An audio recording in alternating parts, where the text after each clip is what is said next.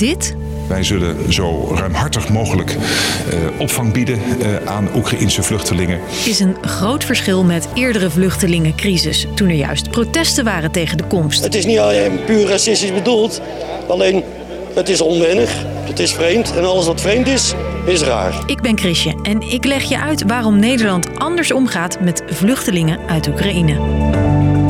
Lang verhaal kort. Een podcast van NOS op 3 en 3FM.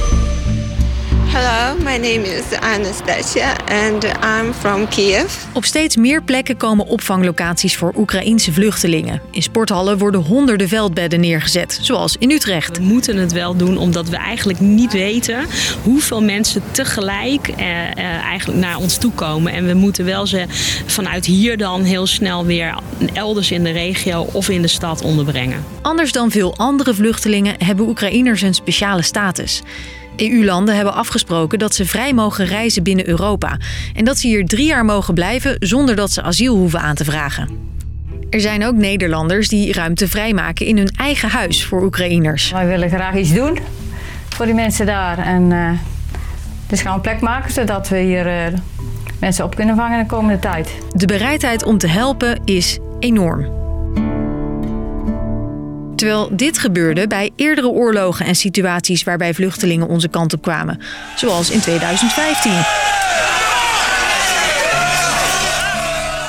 Rellen in Geldermalsen tegen de komst van een asielzoekerscentrum voor de opvang van mensen uit bijvoorbeeld Syrië, Afghanistan en Eritrea.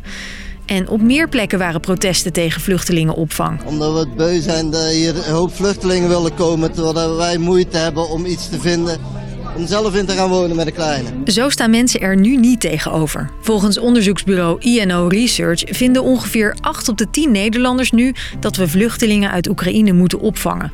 En ook één vandaag ziet open armen in hun opiniepanel. We vinden massaal dat Oekraïnse vluchtelingen dat die welkom zijn. 89% zegt welkom in Nederland. En bijna hetzelfde percentage vindt die Oekraïners ook welkom in de eigen gemeente. Nou, zo hoog heb ik zulke percentages nog niet gezien. Hè, wat aangeeft dat deze oorlog ja, voor veel mensen heel dichtbij voelt. En daar is kritiek op. Want waarom worden Oekraïners als, tussen aanhalingstekens, echte vluchtelingen gezien? En zelfs zo genoemd. Die mensen uit de Oekraïne komen zijn wel echte vluchtelingen. En mensen uit andere landen niet. Wat mij heel erg verdrietig maakt en wat pijnlijk is, ook die, die, die ondertoon van uh, ja, ze lijken op ons en um, dat is de beschaafde wereld. En, en, en de rest is dus niet beschaafde wereld. Journalist Sinan Jan is dit aan de talkshowtafel bij M. En ook met ja, ze lijken op ons. Ja, maar de rest van de mensheid, die komen toch ook gewoon.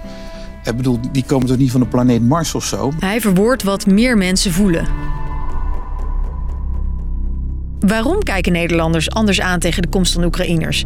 Dat vroeg ik aan hoogleraar Leo Lucassen, die zich bezighoudt met migratiegeschiedenis.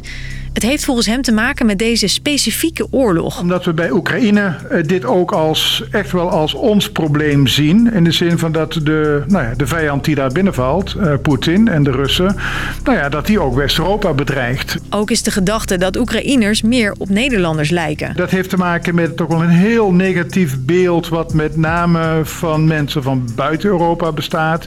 Zeker als het moslims zijn.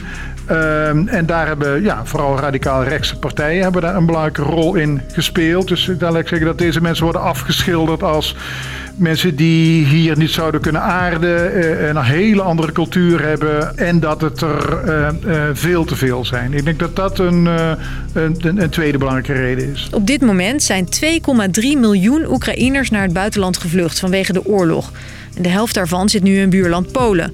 Ook andere landen die aan Oekraïne grenzen vangen mensen op, zoals Slowakije, Hongarije en Moldavië. Grote complimenten richting Polen. Ik mag eraan toevoegen Moldavië. De Verenigde Naties verwachten dat uiteindelijk 5 miljoen Oekraïners kunnen vluchten naar een ander land. Hoogleraar Lucassen betwijfelt of ons land zo bereid blijft om opvang te bieden. Want ook bij eerder uh, vluchtelingenmigraties, mensen die voor oorlog moesten vluchten, zag je eenzelfde soort enthousiasme en gastvrijheid. Maar toch ook wel na een aantal maanden uh, werd de stemming wat minder positief. Uh, en zeggen, ja, het zijn er wel heel veel en ze blijven wel veel langer dan we hadden gedacht. En, uh, dus het is zeker niet gezegd dat de, de, de, het enthousiasme wat er nu is en de gastvrijheid, dat die uh, ook heel erg lang op deze manier blijft bestaan. Dus, lang verhaal kort. Waarom wordt er zo anders op deze Oekraïense vluchtelingen gereageerd dan op bijvoorbeeld Syriërs of Afghanen? Dat heeft te maken met de Europese regels, waardoor Oekraïners makkelijker door de EU kunnen reizen. Met dat we deze oorlog meer als ons probleem ervaren omdat het op Europees grondgebied speelt. En met een negatief beeld dat veel mensen hebben van vluchtelingen van buiten Europa. Dat was hem voor vandaag. Morgen rond 5 dan vind je weer een nieuwe aflevering in je podcast-app. Bedankt voor het luisteren.